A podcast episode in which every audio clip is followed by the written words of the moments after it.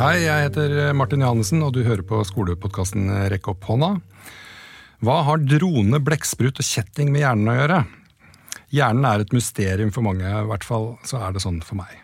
Men den er jo selve kontrollsenteret vårt, og det går faktisk an å vite hva som er best å gjøre når det gjelder læring, f.eks. Olav Skjeve er forfatter av den internasjonale bestselgeren Superstudent, som har solgt i hele 27 000 eksemplarer i Norge. Det er ganske mye for en fagbok. Eh, dessuten oversatt til 18 språk, og nå har han skrevet boka Superhjernen. De beste strategiene for læring, sammen med amerikanske Barbara Oakley. Der kan vi bl.a. lese om fordelen ved å ha sterke kjettinger i langtidshukommelsen. Eh, det skal vi snakke litt mer om eh, straks. Men Barbara Oakley da, hun er en anerkjent amerikansk professor og også en bestselgende forfatter og en av verdens ledende eksperter på læring. Velkommen, Olav Skjeve. Takk for det. Hvordan møttes dere? Eh, jeg sendte henne en e-post eh, og sa at jeg hadde lest boka hennes og likte den, og at jeg selv hadde skrevet en bok og lurte på om hun hadde tid til å treffes. Eh, for jeg skulle til USA. Jeg skulle til en utdanningskonferanse som jeg trodde kanskje hun skulle til også. Og Hun ville vel gjerne møtes, men hun skulle ikke til den utdanningskonferansen. Men vi fant ut at det var ikke så dyrt å fly til Detroit, der hun holdt til. Så jeg gjorde det. Vi hadde en hel dag sammen hvor vi snakket masse om læring, og fant tonen. Så kom hun noen måneder seinere til Oslo en måned, hvor vi fikk jobbet sammen. Og ut ifra det samarbeidet så kom da den ideen om å skrive en bok sammen. ja, nemlig. Så e-post har kommet for å bli. Det er bra. Men du, helt sånn først, hvordan, hvordan var du som elev? Eller hvordan var hjernen din som elev? Ganske normal, Ganske normal. tror jeg. Ja. Ikke noe spesielt uh, Ikke noe spesielt, uh, ikke noe spesielt uh, geni eller talentfull hjerne, men heller ikke noe spesielle lærevansker. Så ganske sånn var du sånn snill og grei, rakk opp hånda og leverte oppgaver i tide? Jeg tror jeg bråket litt mye i timen, så jeg fikk litt sånn påpakning på det de første årene. Ja. Men ellers så var jeg ganske pliktoppfyllende. Nå er jo moren min også lærer, så hun fulgte med at jeg gjorde lekser og um, ja, er... At jeg jobbet hardt for å oppføre meg. sånn er det å være lærerbarn. Men du, denne her boka 'Hjernen, superhjernen', de beste strategiene for, for læring, syns jeg var en veldig, veldig interessant bok. Fordi den er rett og slett en verktøykasse eh, som jeg kan bruke i klasserommet med, med mine elever. Og det er, er, det er basert på forskning, eh, og det er ikke noe synsing. Det dere skriver, det er sånn det er. Og det er veldig takknemlig for, rett og slett, å få, for den var lett å lese. Tynn. Eh, det er min eh, litt sånn reklamespot her nå. Kjøp den boka, les den. den er, du kommer til å ha utbytte av den. Men dere bruker, noen, eh, dere bruker noen begreper der som er litt sånn gjengangere, som dere også bruker litt plass på i begynnelsen av boka, som jeg syns er viktig. Og Det er da tre stykker. Det er kjetting, drone og blekksprut. Hva, hva, er det de betyr? Ja, vi, altså, vi er jo opptatt av å forklare hva som skjer inni hjernen når du lærer. Og Hvis vi starter med, med, med kjettinger, da, så sier vi at når du lærer noen ting, så knyttes nerveceller sammen. Du har omtrent 86 milliarder nerveceller i hjernen, og kunnskap lagres i form av sånne eh, rekker av nerveceller. Så når du lærer noe nytt, så danner du en sånn nerverekke, og der sitter på en måte kunnskapen. Det kan være en spansk glose, det kan være en fakta, det kan være hva som helst. Problemet er bare at mange av disse rekkene som vi danner, de brytes opp et par dager seinere. Ja. Så på slutten av timen så har man lært masse, men noen dager seinere har man glemt veldig mye av det. Så Derfor så er det viktig at man danner sterke sånne nerverekker som ikke brytes opp. Og det er det da vi kaller for kjettinger. Så liksom noe av målet med oss å lære effektivt er å bruke teknikker og metoder så man får dannet sterke sånne nervekjettinger i hjernen. Mm. Drone, da? Dette kan jeg forestille meg at jeg, uh, nå, jeg har jo lest boka, men jeg har jo da ikke disse kjettingene helt på plass. Jeg, jeg glemmer jo ting. Men drone det må jo ha noe med en slags overvåkning å gjøre? Eller? Ja, eller hvis du tenker deg at i langtidshukommelsen din så har du da sånne nervekjettinger ikke sant, hvor kunnskapen sitter lagret. Og når du forsøker å komme på noe du, du har lært, eller du skal løse en oppgave, så går du på en måte inn i langtidshukommelsen og finner fram den relevante kunnskapen. Mm. Eh, men så hender det jo at man ikke kommer på noe, at man kanskje har det sånn på tunga, eller at man sitter med en oppgave som man burde klare å løse, men man klarer bare liksom ikke å hente fram den ferdigheten akkurat der og da. Og da trenger du hjernens drone. Mm. Eh, fordi hjernen din har et sånn modus som man kaller for På engelsk så snakker man om default mode network, eller task eh, negative um, network. Um, vi kaller dette for hjernens drone. fordi det denne modusen gjør, er at det er litt som en sånn drone som flyr over langtidshukommelsen, så ser den hvor disse kjettingene ligger. Og den kan da på en måte finne, Når du står litt fast og ikke klarer å komme på noen ting, så kan dronen komme deg til unnsetning. Og denne dronen fungerer slik at eh, den jobber bare når du ikke fokuserer på et problem. Mm. Så for eksempel eh, hvis du forsøker å komme på et navn, og så kommer du ikke på det. Eh, ikke sant? Så fokuserer du jo på det, du tenker på det. Mens når du slutter å tenke på det, da kan denne dronen begynne å fly. Og det har du sikkert merket, ikke sant? at du der sliter med å komme på et navn, men plutselig et kvarter seinere så bare ramler det ned fra himmelen. Ja. Mm. Da ramler det faktisk ned fra dronen? Ja, det, ja det er det det gjør. For da har, dronen, da har, du sluttet å tenke på det. Da kan denne dronen begynne å fly litt rundt. Og den jobber helt av seg selv. Du trenger ikke å, å, tenke over det. Det skjer liksom sånn i bakgrunnen. Og når den finner det, så bare leverer den det til deg. Og Derfor er det ganske viktig også sånn i læring at man tar pauser. Og kanskje spesielt når man står fast. Og at man ikke liksom skal forsøke å tvinge seg selv til at man må forstå alt på første forsøk eller med en gang. Mm. Fordi en viktig del av det å være effektiv er også å sette i gang denne dronen litt når ja. man sliter. Men jeg minst, husker dere skrev, Det var et visst antall minutter som det er lurt å jobbe før man kan uh, ta en liten pause? Ja, altså vi anbefaler at man, man venner seg til å jobbe i sånne 25 minutters inkrementer. Ja, det der, ja. Um, en, og det er, det er, mange grunner til det, men en veldig stor utfordring nå, som nesten bare blir større og større for hvert år som går, er jo at man er så vant til mobiltelefon i hele verden, bare et par tastetrykk unna. Man er så vant til hele tiden bli underholdt, bli underholdt, hele tiden stimulert, at det er liksom vanskelig å sette seg ned og så jobbe konsentrert. Mm. Man griper hele tiden etter mobiltelefonen. Mm. Så vi anbefaler eh, å bruke en teknikk som vi kaller for pomodoro ja. Altså, det, er, det, er, ikke vi som har kommet opp med teknikken, men Nei. vi anbefaler at man bruker den. Mm. Um, og det er, det er, en teknikk som er oppkalt etter sånne Kanskje du har sett det før, en sånn kjøkkenklokke som ser ut som en tomat, som man kan bruke til å stille tiden ja. med. Um, han som oppfalt denne pomodoro-teknikken, brukte den kjøkkenklokka wow. til å telle ned 25 minutter. Mm. Eh, så Derfor så heter den pomodoro-teknikken. Ok, Så det har egentlig ingenting med pomodoro å gjøre? Nei, Nei. det er ikke det. Det er bare at den eh, klokka så ut som en tomat, og tomat, tomat er pomodoro på italiensk. Ja, nemlig. Eh, men i hvert fall altså går teknikken ut på at du skal sette, ned, sette, på en klokke som teller ned 25 minutter, og så gjør du en avtale med deg selv at i de 25 minuttene så skal du fokusere og jobbe eh, konsentrert. Og når de 25 minuttene er over, så tar du deg en pause, og da kan du også gjøre noe du ser fram til. Det kan være å ta deg en glass saft, eller det kan være å kose litt med katten din, eller sånn. Men det skulle ikke være å sjekke telefonen? Helst ikke. Nei. Fordi at eh, i pauser og når man sover, så konsolideres kunnskap. Da overføres det, da befestiger det seg i langtidshukommelsen. Mm. Og det skjer mest effektivt hvis man ikke har så veldig mange andre stimuli. Mm. Så det beste for læring er egentlig å ikke sjekke mobiltelefonen i pauser. Ja. Altså, elever, veldig mange elever har jo da ikke tilgang heller til mobiltelefonen sin i timene. Ja. Den ligger gjerne i et skap eller en uh, boks. Det, det er veldig bra. Men uh, de har jo da tilgang til en Chromebook eller en uh, laptop eller et nettbrett av et eller annet slag. Er på en måte, det er nemlig litt problematisk. For Teller da Chromebooken som en mobil? Eller de andre fanene du har oppe?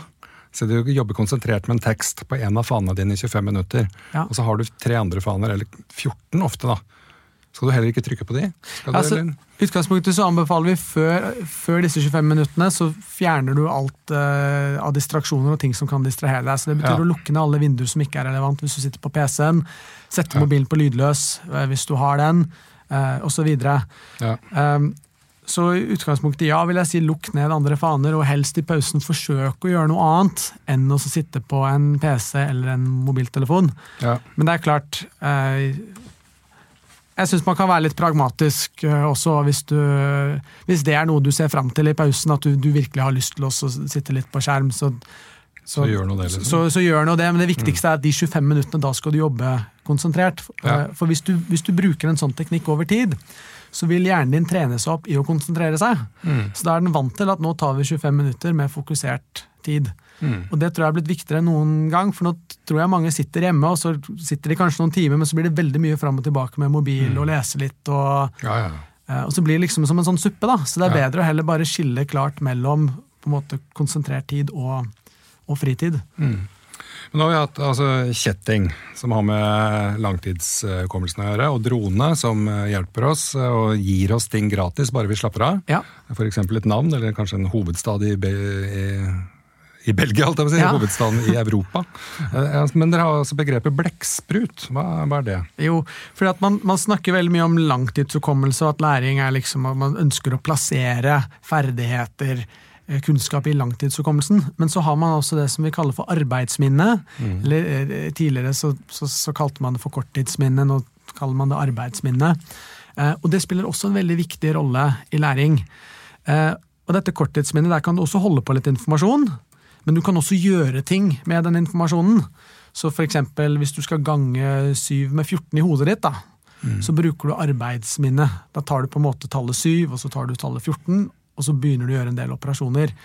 Og det som kjennetegner arbeidsminnet, som sagt, er at det kan, det kan gjøre en del ting med informasjonen, men, men det har ikke plass til så veldig mye. Det har i snitt bare plass til eh, fire tanker, fire tall, fire ord. Eh, og derfor så kan man tenke på det litt som en sånn blekksprut som har et sett med armer, som kan bruke til å liksom holde fast ved informasjon på, og, og gjøre ting med den informasjonen. Ja, F.eks. at eh, 7 ganger 14 er 98. Ja, Det satt jeg og tenkte på nå. Når du snakka nå, så regna jeg det ut. Jeg brukte, merket jeg brukte ganske mye energi på det eh, når jeg samtidig skulle høre på deg. Ja. Og, og det er nettopp fordi at arbeidsminnet er veldig begrenset. Så eh, hvis du klarte å både regne ut og høre på det jeg sa, så, så er det veldig bra. Men for mange så kan nok det være vanskelig. Og hvis du i tillegg skulle gjort en tredje ting, så hadde det antageligvis ikke gått. For at arbeidsminnet er Det er veldig lite. Men så er det hos noen litt mindre enn hos andre. Og Derfor så er det også viktig at når man selv lærer, at man på, på, sørger for at man ikke overvelder arbeidsminnet sitt.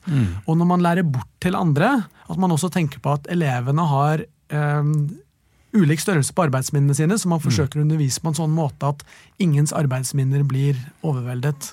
Ja, og det er jo det, det er sånn typisk sånn øh, som kommer fra Hvis man har elever med lærevansker da, som blir utreda av PPT og sånt, så står det jo ofte hos de at de har øh, eksekutive vansker. da. Og det, er, det handler jo om det. Ja, Det handler om arbeidsminne. Ikke sant? Og da eh, både det, eh, selve arbeidsminnet, men også selve det å komme i gang med arbeidet. Som jeg tenker er, det er en kjempeutfordring, for i klasserom så sitter det jo 25 elever, og det er jo eh, to, tre, fire av dem har jo lærevansker. Ja. To andre kan ha konsentrasjonsvansker. Tre andre har kanskje et annet morsmål. Så men disse her, jeg skjønner jo at de, det dere skriver om i boka, det gjelder jo for alle. Men det, er det sånn at det på en måte gjelder på ulike nivåer, hvis man kan kalle det det? Så tenker du i forhold til arbeidsminnet? denne Ja, for si at, eller den der pomodoro-teknikken av 25 minutter, det er bra. Det er bra for hjernen din, men Ja. er det bra for, eh, for Per, som har et arbeidsminne på tre minutter? Ja, sånn, ja. ja altså, I utgangspunktet så er, er det tenker, Man kan tenke på dette på to måter. Og Den ene er at vi vet en del ting om hjernen som er likt for alle. F.eks. at kunnskap fester seg bedre når man bruker det, når man forsøker å hente det ut så mye som mulig. En god måte å få ting inn i hjernen på, er å hente det ut på. Eh, men samtidig så er jo alle eh, skrudd sammen litt forskjellig, og liksom noen deler av hjernen kan være sterkere enn andre deler av hjernen. Og for eksempel En ting som man sier, og veldig ofte sier, og som lærere sier også, er at det er bra å ta notater i timen. Og Tanken med det er jo at, det, det, at gjennom å ta notater så, har, så liksom må elevene fokusere. De kan også selv tenke over det som blir sagt, ikke sant? og produ produsere noe selv. Og vi vet også sånn at du bruker jo arbeidsminnet ditt da, og hvis hvis du har ledig kapasitet i arbeidsminnet, så er det fint å sitte og bruke litt arbeidsminnet på å høre på, og resten på å liksom notere. Da er alle armene i sving. Men hvis en elev ikke har så stort arbeidsminne, så kan det faktisk bli overveldende å skulle ta notater samtidig som du skal forsøke å forstå noe som kanskje er litt vanskelig. Mm. Og Da blir resultatet at hvis du tar masse notater, så klarer du ikke å prosessere det som blir sagt. Nei, og det er jo, det, Jeg jobber jo på ungdomstrinnet, og det er jo det, det opplever jeg at det er vanskelig. Ja. for de elevene som da er 13-14-15 år gamle, å ta notater til en presentasjon f.eks. Kjempevanskelig. Ja. Eh, De sitter der med boka med eh, blyant eh, i hånda. Det er bare noen som får, får ned noe. ja. Er, eh, men er det noe vi kan gjøre med hjernen deres så de kan få det til? Ja, og det er det jo. Men, men, men, ikke sant? Det, jeg også tenkte på da, det viser jo til at det er ikke sikkert at Per eh, på død og liv skal ta notater i Nei. timen. Eh, Det kan hende at han skal bruke arbeidsminnet sitt på å følge med eller prosessere det som blir sagt. Men så kan man jo si, ikke sant, som, som en lærer, da, hva er det du kan gjøre når du har så mange ulike elever? Og en av de tingene, tingene du kan gjøre da, er jo å se hvordan kan du på en måte lette den eh, belastningen på arbeidsminnet ved å ta notater. Og Der er det mange ting man som lærer kan gjøre. Man kan f.eks. dele ut en handout som har en struktur for presentasjonen eller det man går gjennom, med noen overskrifter, slik at det blir lettere for elevene å se liksom hvor man kan fylle ut egne ting. Man kan oppfordre elevene til å ta mer stikkordsbaserte notater, og så kan man heller sette av litt tid etter at man er ferdig med en gjennomgang, til at elevene skriver det ut. Eh, Man kan passe på å ta litt pauser underveis, så man får skrevet ferdig setningene Ikke minst sine. den der. Eh, og, en, og en del sånne ting, da. For jeg har jo, øh, angående det å le øh, skrive notater, altså lest det at, øh, skrevet om det til og med, at det å tegne notater er mer effektivt for, øh, for hjernen og for læringa di. Har du hørt noe om det? Eh, ja, eller altså det jeg har lest mest om, er kanskje forskjellen å ta notater på PC og, og skrive for hånd. Eh, og det man har sett da, er at når du skriver for hånd, så på en måte aktiverer du den delen av hjernen som også brukes til læring av fysiske ferdigheter. Og så skulle man kanskje tro at det gjør du også når du skriver, for du beveger jo fingrene da også, men, men det er på en litt annen måte. Så, så derfor når du skriver ting med, med hendene, så på en måte lærer du mer av det enn å type på PC-en. da. Ja, det er fordi du former bokstavene, da skjer noe annet inni hjernen enn når du trykker på en knapp. Enn når du bare trykker opp Ja. ned. ja.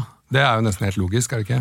Jo, så jeg, tror også, så jeg kan også, så jeg kan også tenke meg fra det perspektivet at når du også går til det steget å tegne, så er det enda mer bevegelse inne.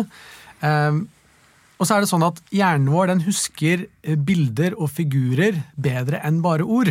Ja, Så hvis du kan klare å tegne opp det du, det du skal lære, eh, så vil det feste seg bedre. Så, så derfor så er jeg ikke overrasket over at eh, forskning viser at hvis man tegner notatene sine, så Nei, for det var noen forskere fra Canada som, som hadde studert uh, dette her, da.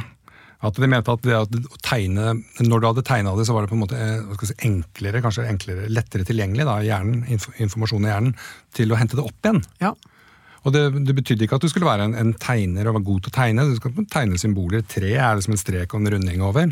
Så har du tegningen, eller symbolet tre. ja. Så Nei, men Det er kjempe, kjempebra. Det er også noe man kan bruke når man underviser eller lærer bort. Bruke, bruke figurer, bruke bilder. Ja, og Det fungerer faktisk bedre også å tegne en enkel modell med streker selv, enn å bruke et bilde med, med masse farger og For det er den, for Tegning er på en måte en forenkling av virkeligheten. Ja. Og jeg bruker jo tavle og kritt, jeg, da. Sånn, sånn type.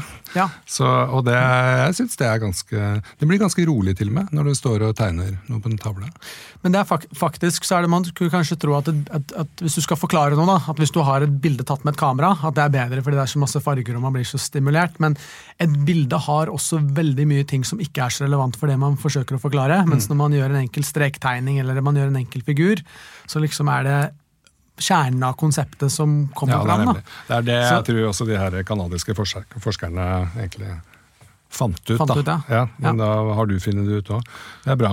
Ok, men Vi har snakka om arbeidsminnet arbeidsminne og langtidshukommelsen og sånt. Eh, Pomodoro-teknikken har vi nevnt. Blekksprut, korttidsminne og sånne ting. Men det her å på en måte memorere fakta Eh, I en verden hvor faktaen, eller ikke faktaen, men kunnskapen er i hvert fall et tastetrykk eh, unna, hvis jeg lurer på en eller annen hovedstad. Men hvorfor er, hvorfor er det lurt å lære seg ting utenat? Altså det å kunne ting utenat hjelper en med å tenke på et høyere nivå. Eh, Så det er, ikke, altså det er ikke sånn at man skal lære alt utenat, eller at du skal ha en puggeskole, men det har en verdi å kunne noen ting. Så hvis du f.eks. skal sammenligne den franske og den russiske revolusjonen, som på en måte er litt sånn tenkning på høyere nivå, så, så må man kunne noen ting om de to revolusjonene. Blir veldig vanskelig å skulle liksom, prosessere det på en dyp måte når man ikke kan noe som helst. Mm. Så eh, det å kunne ting, ting utenat, det gjør de enklere å forstå. Um, så, så derfor så har det en verdi. Mm. For Dere skriver også om noen sånne akronymer man kan bruke. Eh, Ja. For det er f.eks. SPA. Det er da Sokrates, Platon og Aristoteles. Mm. Jeg kjente jo til de tre, men nå er jeg litt sånn glad for at jeg har lært meg SPA også, for da kan jeg lære det bort til mine elever. Vi holder på med etikk, blant annet. Ja. Da er jo disse tre ganske sentrale. Ja. SPA, kan jeg si. Så skal de huske det. Har du noen andre akronymer? Eh, så, du, du, det, det kommer veldig an på hva du, hva du skal lære. Da. ikke men- andre. Nei, har andre, andre teknikker for å lære ting utenat? var vel egentlig det Ja, jeg sånn, på. Eh, ja, så, som sagt, hjernen er veldig god på visuell informasjon og ting man kan se for seg. Så en veldig kraftfull teknikk er å forsøke å danne seg bilder Mm. av det du skal lære deg. Eh, og så kan man også forsøke å sette de og så er det mange ulike teknikker man kan bruke der. Da. Du har bl.a. den reiseruteteknikken, hvor du ser for deg liksom bilder av det du skal lære. Så hvis du f.eks. skal lære deg de første elementene i, eller de første grunnstoffene i periodesystemet, at du starter med hydrogen, så ser du for deg en, eh, en brannhydrant som spruter masse vann. Eller så, så er det neste grunnstoff er helium, da ser du for deg en heliumballong. Eh, og i og med at hjernen er så god på å huske bilder, så blir det på en måte enklere å, å lære seg det enn om det bare er, Mm. er en liste med ord. da. Ja, ja, og det, det skjønner jeg. Det, det er jo på en måte logisk når du sier det, men hvorfor glemmer vi det hele tida? Er det noe gærent med langtidshukommelsen vår? Hvorfor, hvorfor bruker vi ikke de, disse teknikkene? De har jo vært man skal si, tilgjengelige veldig lenge. da. Ja, altså, eh, Hvorfor vi ikke bruker teknikker Ja, sånn, ja altså, det, er jo, det er jo ikke ofte man bruker det. Eller jeg bruker ikke de teknikkene ofte nok, da. Kanskje jeg skal jeg snakker for meg sjøl. Ja, sånn, ja. Ja. Mm.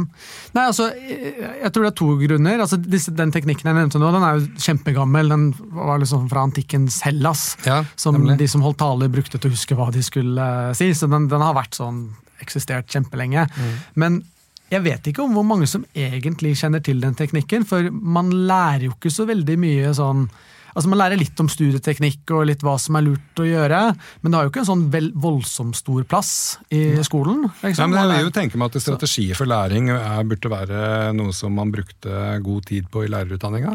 Vet du noe om det, de gjør det? Ja, men man gjør, man gjør ikke det. Altså, Lær å lære er jo nå Ja. blitt en ny del av eh, den overordnede læreplanen, som er kjempebra. Men det er ikke en del av lærerutdanninga. Ny læreplan for lærerutdanninga kom for noen år siden. Den kom før nye læreplaner i grunnskolen. Egentlig burde egentlig gjort det motsatt. Ja. På en måte først funnet ut Hva skal elevene lære, og hvordan legger vi opp uh, utdanning for lærere. Så Ja. lære og lære uh, har egentlig ikke så, noe særlig stor plass i, uh, i lærerutdanninga. Nei, for dere, Det siste kapittelet i boka deres heter, er jo den oppfordring om å bli metakognitiv. Mm. Det synes jeg var en veldig god oppfordring, for det handler jo litt om det. Om Ja. å tenke, tenke, tenke om tenking, men også om å lære å lære. Gjør det ikke det? Jo, jo og, det, og, det, kom, det, er jo heldigvis eller det er kommet inn nå litt tydeligere i læreplanen, som er kjempebra. og Grunnen til at det er viktig, er fordi at skal du bli god på å lære, så må du kjenne til ulike teknikker og metoder. Men du må også men du må liksom finne ut når det egner seg å bruke de ulike teknikkene. Og Derfor så blir den her metakognisjonen, eller tenkning om tenkningen, at du faktisk tenker over hvordan du lærer. Liksom at du, du tenker over nå skal jeg lære dette her, hvilken teknikk skal jeg bruke da? Eh, Det blir veldig viktig. da. Så det også eh, Hvis du skal lære elevene dine til å lære, så er det veldig flott å dele teknikker, råd og tips, men så er det også fint å hjelpe de til å få en sånn vane til å tenke over hvordan de lærer. For eksempel når de sitter med en oppgave, ikke sant, spørre sånn Hvordan har du tenkt å lese den her? Hvilke, hvilke måter kan du løse den oppgaven på? Ikke sant? Og så tenker de over det. Eller når de er ferdig med en oppgave og spør er dette riktig, ikke sant? så spør de sånn, er det noen måte du kan finne ut om, om det på. Eller hvis en elev sier at det her var eh, Jeg fikk det ikke til. Ok, hva var det du Hvordan har du prøvd? Ikke sant? Er det noe annet du kan gjøre? Så man, man løfter seg selv opp på et Jeg pleier å stille den type spørsmål til elever, og så er det ofte de svarer men er ikke du lærer, at du skal jo si hva det er. Ja. Så, Nei, det skal jeg jo ikke. Jeg skal Nei. ikke si svaret. Nei, du, du skal hjelpe de til å klare å finne ut av det på egen hånd. Ja, ikke sant? Og det, Men jeg tenker på det, Nå har vi vært litt sånn innom lærerutdanninga. For altså, boka er jo på en måte skrevet med tanke på elevenes læring. Men den er jo like anvendelig for lærernes måte å lære bort på. Mm. Er det ikke det? Si noe om det. Jo, for du, altså den, den, boka tar for seg en del prinsipper om hva som skjer i hjernen når du lærer. Og så er det jo der en rekke eksempler på hvordan man kan bruke det selv når man skal lære. Men det er jo bare å snu de på hodet, på en måte, og så bruke det når man skal lære, lære bort. Mm. Um, så, så, absolutt. Ja, Supert. Du, Vi skal begynne å runde av. Er, er det noe du brenner inne med, syns du? Jeg, bare sånn Avslutningsvis så, så, vil jeg si at eh, eh, jeg vet at det er veldig mange som sitter rundt omkring og sliter med skolen og ikke får det til like bra som de skulle ønske. Jeg var en sånn elev på, på skolen, eh, og det jeg tenkte var at jeg ikke var født smart nok til å gjøre det bra som de andre som liksom tok ting veldig raskt og, og, sånn. Men det jeg selv har fått erfart, og som jeg brenner for nå, det er også gjøre folk klar over at det å lykkes med å lære, det handler ikke om hvilken hjerne du er født med, men det handler om hvordan du bruker den hjernen du har. Mm. Og at med gode metoder og teknikker så kan man få til mye mer, og man kan lære mye bedre og med mindre frustrasjon. Ja, særlig det med mindre frustrasjon tror jeg mange er eh, glad for eh, å høre at vi kan faktisk eh, kan oppnå. Tusen takk til deg, Olav Skjeve, for at du kom og slo an prat om hvordan hjernen funker, og hvordan vi kan lære mer effektivt. Og takk for at du hørte på Rekopodna. Husk å holde avstand, vask henda, bruk antibac og pass på kohorten din. Vi høres.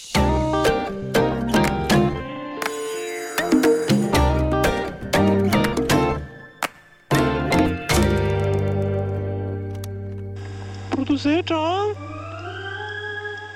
Oder?